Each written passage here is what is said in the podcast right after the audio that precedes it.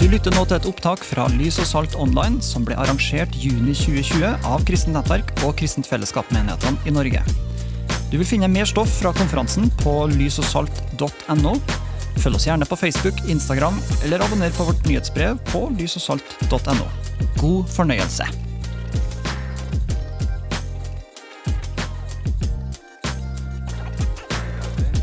Som jeg sa i forrige sesjon, så er jeg helt sikker på at Jesus sjøl vil at vi skal lykkes som vitner for ham. Dersom jeg ber en av ungene mine om å ta oppvasken, om å rydde på boden eller stryke i skjorte, så vil jeg jo at de skal lykkes. Og det er jo Jesus som har sendt oss ut, så vi kan være sikre på at han vil at vi skal lykkes og føle dette godt. Da han sendte disiplene sine ut, var det jo de som kom overraska tilbake. Jesus var ikke overraska. Han visste hva han hadde bedt dem om å gjøre, og han visste at han sjøl sto bak sine egne ord. Oppdraget kan gjerne føre oss inn i utfordrende situasjoner, men det er likevel gjennomførbart. Det vil være ulike faser i tjenesten, men Jesus vil uansett at vi skal lykkes i jobben. Han vil at vi skal finne glede i tjenesten. I Johannes 4,34 sier Jesus, Min mat er å gjøre det han vil, han som har sendt meg, og fullføre hans verk. Så tjenesten skal være et godt måltid for oss. Det skal gi oss energi, kraft og livsmot. Og tenk deg litt om. Har det ikke egentlig vært en god opplevelse de gangene du har fått delt Jesus med noen andre? Prøv å tenke etter. Det skaper en utrolig god opplevelse. Glede og takknemlighet over at Jesus berørte andre mennesker gjennom nettopp deg. Jeg er opptatt av at alle disipler skal kunne identifisere seg med oppdraget. At oppdraget skal skape forventning og glede, og at det kan oppleves som noe som alle kan ta del i. At vi ut fra egen personlighet og eget kall kan være enkle vitner for Jesus og høste gode frukter for ham. Som tidligere nevnt har jeg satt ned sju steg som jeg mener garantert vil føre til glede i vitnetjenesten din. Jeg er sikker på at du ved her sju stegene vil finne deg sjøl som en naturlig del av oppdraget fra Jesus, og jeg er også helt sikker på at du vil se fruktene. Jeg sier det her med et glimt i øyet, men samtidig helt seriøs. Jeg sier ikke at dette vil gjøre deg til Billy Graham, Reinhard Bunke eller Arne Skagen, men jeg er sikker på at det vil gjøre deg til en medarbeider i det å nå ut. Enten i møte med venner og familie, blant kollegaer og naboer, eller for den del ute blant fremmede på gata og i byen. Syv punkt. Det første punktet det er ta en beslutning. For at du skal få positive opplevelser, er du nødt til å bestemme deg. Du må komme til et punkt der du lover deg sjøl, dine medvandrere og ikke minst Herren at du skal være involvert. Etterfølgelse er offer. Jesus sa at den som skulle være hans disippel, måtte ta opp korset hver dag og følge ham. Og det er første steget til etterfølgelse, og det er å bestemme seg. For noen uker siden skulle kona mi klippe håret mitt. Jeg er så heldig at jeg kan gjøre klippinga på heimebane. Jeg dro av meg skjorta og jeg satte meg ned på stolen framfor speilet og oppdaga umiddelbart at her hadde det skjedd ting. En lang høst og vinter med innlagt julefeiring og mye stillesitting hadde gitt sine tydelige spor. Jeg hadde nok hatt mistanke om at jeg hadde gått opp noen kilo, men nå så jeg det så tydelig og klart, og badevekta ga meg den brutale bekreftelsen. Der og da tok jeg en beslutning. Jeg måtte ned fem kilo. Dette var ikke en tanke om at jeg muligens skulle gjøre noe. Det var et radikalt valg og en beslutning som jeg visste ville tvinge fram en forandring. Konsekvensen av valget var en forandra kosthold og mye mer bevegelse. Men de konsekvensene hadde jeg aldri blitt en realitet dersom jeg bare tenkte at jeg muligens måtte gjøre noe. Fem uker etter var korrekt matchvekt inntatt, og jeg kunne se resultatet tydelig både på badevekta og i speilet. De første kristne hadde tatt en beslutning. Da Den hellige ånd kom over dem, hadde de fått det som Jesus hadde lovt, og de gikk umiddelbart i gang med oppdraget. Litt seinere, i Apostlenes gjerning i kapittel 8, leser vi om hva som skjedde med de som dro ut pga. forfølgelsen. De måtte også ha tatt en beslutning. For på tross av forfølgelsen forkynte de ordet overalt hvor de kom. Og Jesus var med dem. Så Hva svarer du nå Jesus ber deg om å være hans vitne? Sier du tja, kanskje, muligens, hvis jeg får tid? Eller sier du kort og, kort og godt ai, ai, cap'n, på ditt ord, Jesus, skal jeg kaste garnet? Første punkt er altså å ta en beslutning og love at du også vil være involvert. Neste punkt, punkt to, er å finne tro. Jeg har god grunn til å mene at vitnetjeneste utført i vantro stort sett bærer dårlig frukt. Dersom du ikke har tro, er det lite som vil skje. Du trenger først og fremst tro på evangeliet. Og Dernest må du ha tro for at Jesus vil virke gjennom deg, ditt vitnesbyrd, din forkynnelse og dine bønner. Du må tro det som Jesus sier i Matteus 28. 'Jeg har fått all makt i himmelen og på jorden. Gå derfor og gjør alle folkeslag til disipler.' Og så avslutter han med 'Og se, jeg er med dere alle dager inntil verdens ende'.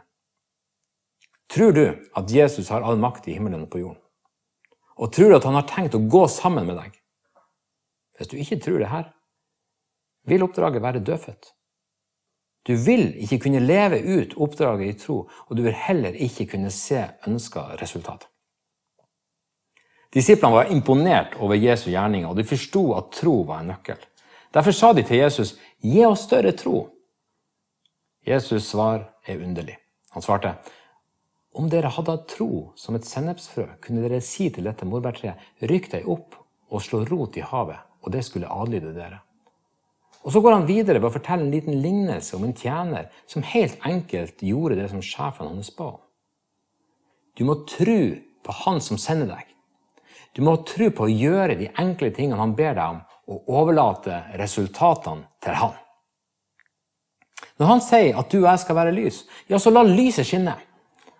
Når han sier at vi skal gjøre gode gjerninger for naboer, så er det bare å stå på. Når han ber deg om å legge hendene på syke, så er du alltid beredt. Og Når han ber deg om å formidle evangeliet, så forbereder du deg og gjør deg klar på nettopp det. Det er kun ett sted du kan finne tro, og det er hos Jesus.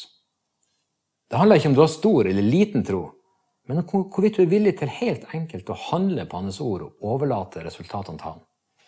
Da Peter og Johannes hadde reist en lamme mann på tempelplassen, var deres budskap til den sjokkerte folkemengden helt enkel. Den tro vi får gjennom dette navnet, har gitt mannen full førlighet igjen. Punkt to er altså å finne tro. Og det gjør du kun hos personen Jesus Kristus og ved hans mektige navn. Derfor er det avgjørende at du har en relasjon til ham. Hvis du har vært mye sammen med en person, så vil du vite hvordan en person vil tenke, reagere, hva han vil si, og hva han vil gjøre. En stadig dypere relasjon med Jesus vil hjelpe deg til å sette din lit til han, at han står bak sine ord og sitt kall. Bestem deg for å finne tro hos han. Han kommer til å gi deg det. Og da kan du også gjøre enkle handlinger i hans navn, og så får du la han stå for resultatet. Det tredje punktet er å finne din arena. En arena der du kan være vitne. Det er ikke alle som ønsker å gå fra dør til dør, henvende seg til fremmede på gata eller synge og dele ut traktater. Men vitnetjenesten begrenses ikke til det her. Vi er kalt til å representere Jesus der vi er. Vi er kalt til å være lys og salt. Alle mennesker har ulike arenaer i livet sitt. De fleste bor jo sammen med, eller har i hvert fall tett omgang med familie. Og så bor man gjerne i et nabolag. Og så har man ulike typer fellesskap knytta opp til skole og arbeidsliv. Idrettslag, musikk, klubber av diverse slag. Nybakte mødre de knyttes sammen med andre nybakte mødre. Fotballentusiaster knyttes sammen med andre entusiaster på tribuner. På treningssentrene treffer man stadig vekk de samme folkene, og friluftsinteresserte treffer andre sprekinger ute i Guds frie natur. Dette er arenaer som gis naturlig, og som er anledninger vi har. Og I disse arenaene trenger vi å være vanlige medmennesker som er normale, naturlige og trivelige folk. Vi er ikke først og fremst på disse arenaene for å evangelisere. Men mens vi likevel koser oss i fellesskapet og nyter vennskap med andre mennesker, kan Den hellige ånd lede oss til samtaler og gjerninger som fører folk til Jesus. For hvordan kan de ellers tro på en de ikke har hørt om? Og hvordan kan de høre uten at noen forkynner? sier romerbrevet. Dette er altså arena der Gud kan bruke deg. Men i tillegg så kan vi alle være med på å skape arena. Du kan aktivt være med ut på gata for å møte mennesker. Eller du kan sammen med andre fra menigheter besøke eldrehjem, asylmottak, eller arrangere alfakurs, grillfester, lekedager og leirer. På sånne arrangementer og fellesløft er det mange forskjellige roller som må fylles. Men alle som er med på laget, jubler jo når spissen skårer mål. På den måten kan den mest introverte ta et valg, finne tro, og deretter innta sin rolle og sin arena for å nå ut. Da er det teamfølelse. Da er det fellesskap i bønn, og det er fellesskap i tjeneste. Derfor kan din bønn til Jesus være Hvor tenker du at jeg passer best, Jesus? Hva slags arena er den beste for meg? Hvor kan jeg på en naturlig måte være med på å møte nye mennesker med evangeliet? Og dernest, hva slags rolle kan jeg spille på den arenaen Gud har for meg og for oss? Det å ta på seg praktiske oppgaver kan faktisk være suksessfaktoren for at ei gruppe kan lykkes i å nå ut. Disiplene gjorde en formidabel praktisk jobb for å backe Jesus i sin betjening av folkemassene. Praktiske tjenester som matlaging, rigging, lyd- og videoredigering, sosiale medier, administrasjon og mange andre ting kan være helt avgjørende for å skape den arenaen for evangeliet som Herren har for deg og meg. Og vi må sjøl sette oss i en posisjon der vi kan få evangeliet ut. Å finne seg en arena og en rolle er altså det tredje punktet. Det fjerde punktet er å bygge tillit. Dersom du møter de samme folkene over tid, vil de se hvem du er, og hva du står for. De vil merke dine verdier, måten du henvender deg til folk, og hvordan du tenker. Den beste måten du kan bygge tillit på, er ved å være deg sjøl. Folk avslører hykleri veldig raskt. Ikke sats på å være gatas humorist hvis ikke festlige kommentarer ligger naturlig for deg. Ikke tilby naboen snekkerhjelp dersom du har ti tommeltotter. Finn ut hvem du er, og by på det. Hvis du er dyktig til å se og bekrefte barn, så vil Jesus virke gjennom måten du møter nabofamilien som går forbi. De vil få respekt for den du er, og de vil se at du er et helt menneske. Ekte omsorg, blide øyne, respektfull kommunikasjon og et rolig indre vil gjøre at folk får tillit til deg. Og har de tillit til deg, vil de også være mer interessert i hvem du er, hva du tenker, og hva du tror på. Men om du oppsøker gata eller andre arenaer der du stadig møter nye folk, må du også bygge tillit. Men da bør du gjøre det kjapt. Du finner ingen eksempler på at Jesus ubehøvla pressa seg på folk. At han sneik seg innpå de og tredde evangeliet nedover hodet på de mens han pøste på med profetier og kunnskapsord om vonde knær og smerter i korsryggen. Jesus var skarp, tydelig og profetisk, men han var samtidig taktfull, varm og respektfull.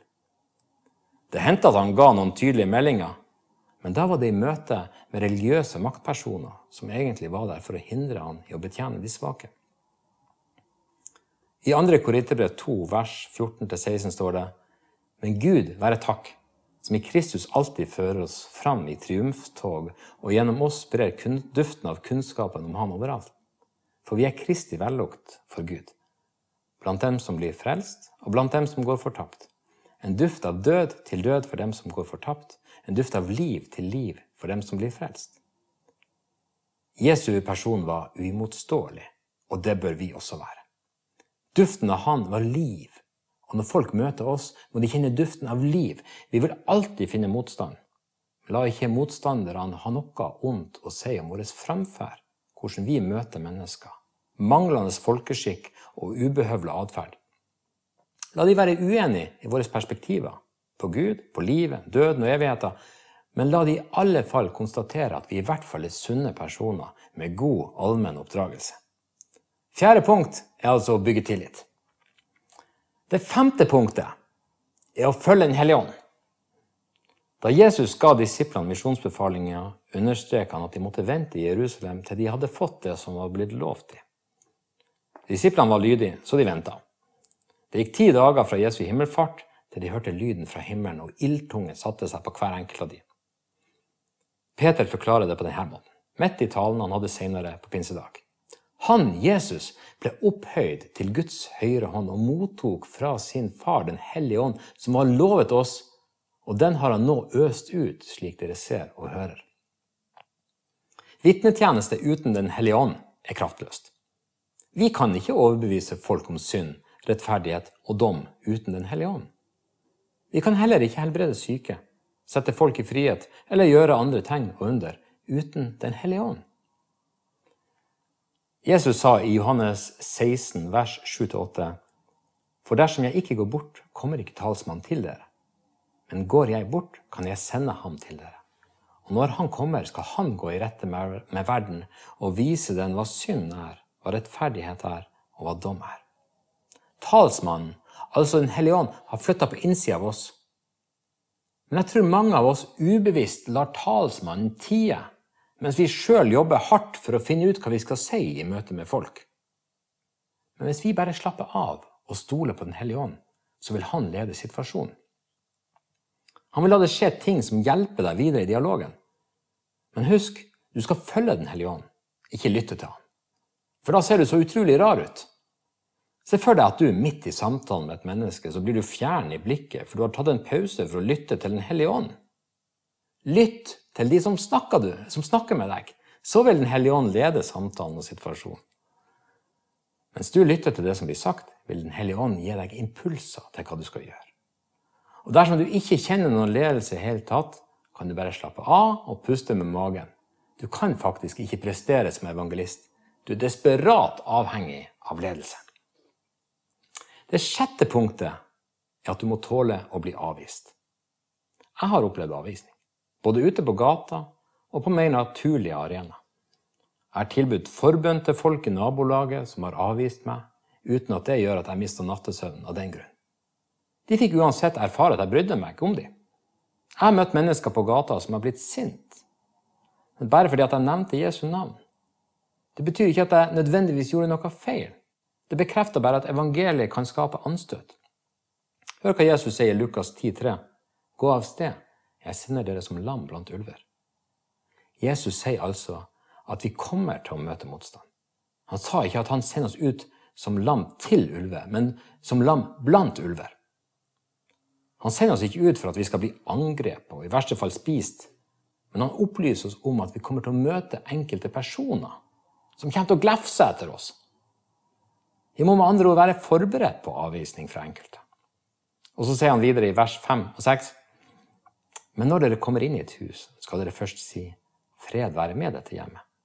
Og bor det et fredens menneske der, skal freden deres hvile over han. Hvis ikke skal den vende tilbake til dere selv. Så dette er faktisk bra business for oss. Først sender han, oss ut med fred som vi skal tilby folk. Dersom de tar imot freden, kan vi ha fellesskap med dem. Men dersom de avviser oss, vender freden tilbake til oss sjøl. Tipper mange av oss har hatt en motsatt erfaring. I det øyeblikket vi blir avvist, er det som om rullegardinen går ned, og vi kjenner på mismot og mislykkethet. Men Jesu løfte til oss burde heller gi oss ekstra frimodighet. Avvisning fører altså til dobbel fred. Dersom noen ikke vil høre, kan vi lykkelig fortsette vår vandring, full av glede og fred. Hvis du har lyst til å ta et dypere studium i akkurat dette, kan du lese gjennom apostlenes gjerninger. Gjennombruddene og avvisningen gikk hånd i hånd. Og da med mye hardere motstand og med mye mer dramatiske konsekvenser enn det jeg opplevde. Apostlene opplevde både hån, fengsel og steining. Kan vi, da kan vi tåle noen frekke kommentarer uten å føle behov for traumebehandling etterpå. Det å tåle avvisning er altså det sjette punktet. Det sjuende og siste punktet er ha et fellesskap i ryggen. Dette punktet hadde jeg først kalt for ha håven klar. En overskrift som kanskje kan høres litt flåsete ut. Akkurat som folk bare er en fangst som vi må få håva inn i båten. Men det henspeilte på det som Jesus sa til de første disiplene. Følg meg, så skal jeg gjøre dere til menneskefiskere. Når det kommer til fisking, så er håven det redskapet du bruker for å få fisken over båtrippet. Det holder ikke at den har bitt på kroken. Fangsten er ikke din, for du har fått den inn i båten. Når du deler Jesus med mennesker, er det bra at du har tenkt gjennom hva du skal gjøre dersom det viser seg at de faktisk er interessert. Hva er neste steg? Har du noen andre kristne venner som vedkommende kan bli introdusert for? Har du et fellesskap eller en husgruppe som kan være et fint sted å ta med seg en ny? Når vi leser om vekkelsen etter pinsedag, er det tydelig at de nyfrelste ble lagt til i et fellesskap.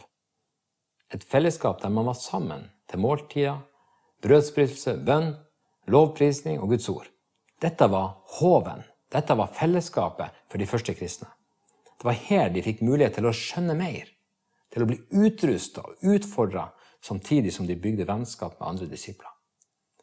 De ble bygd sammen, og de kjente at de tilhørte hverandre. Hvem ville du introdusert en kollega til dersom han var interessert i å høre mer om kristen tro?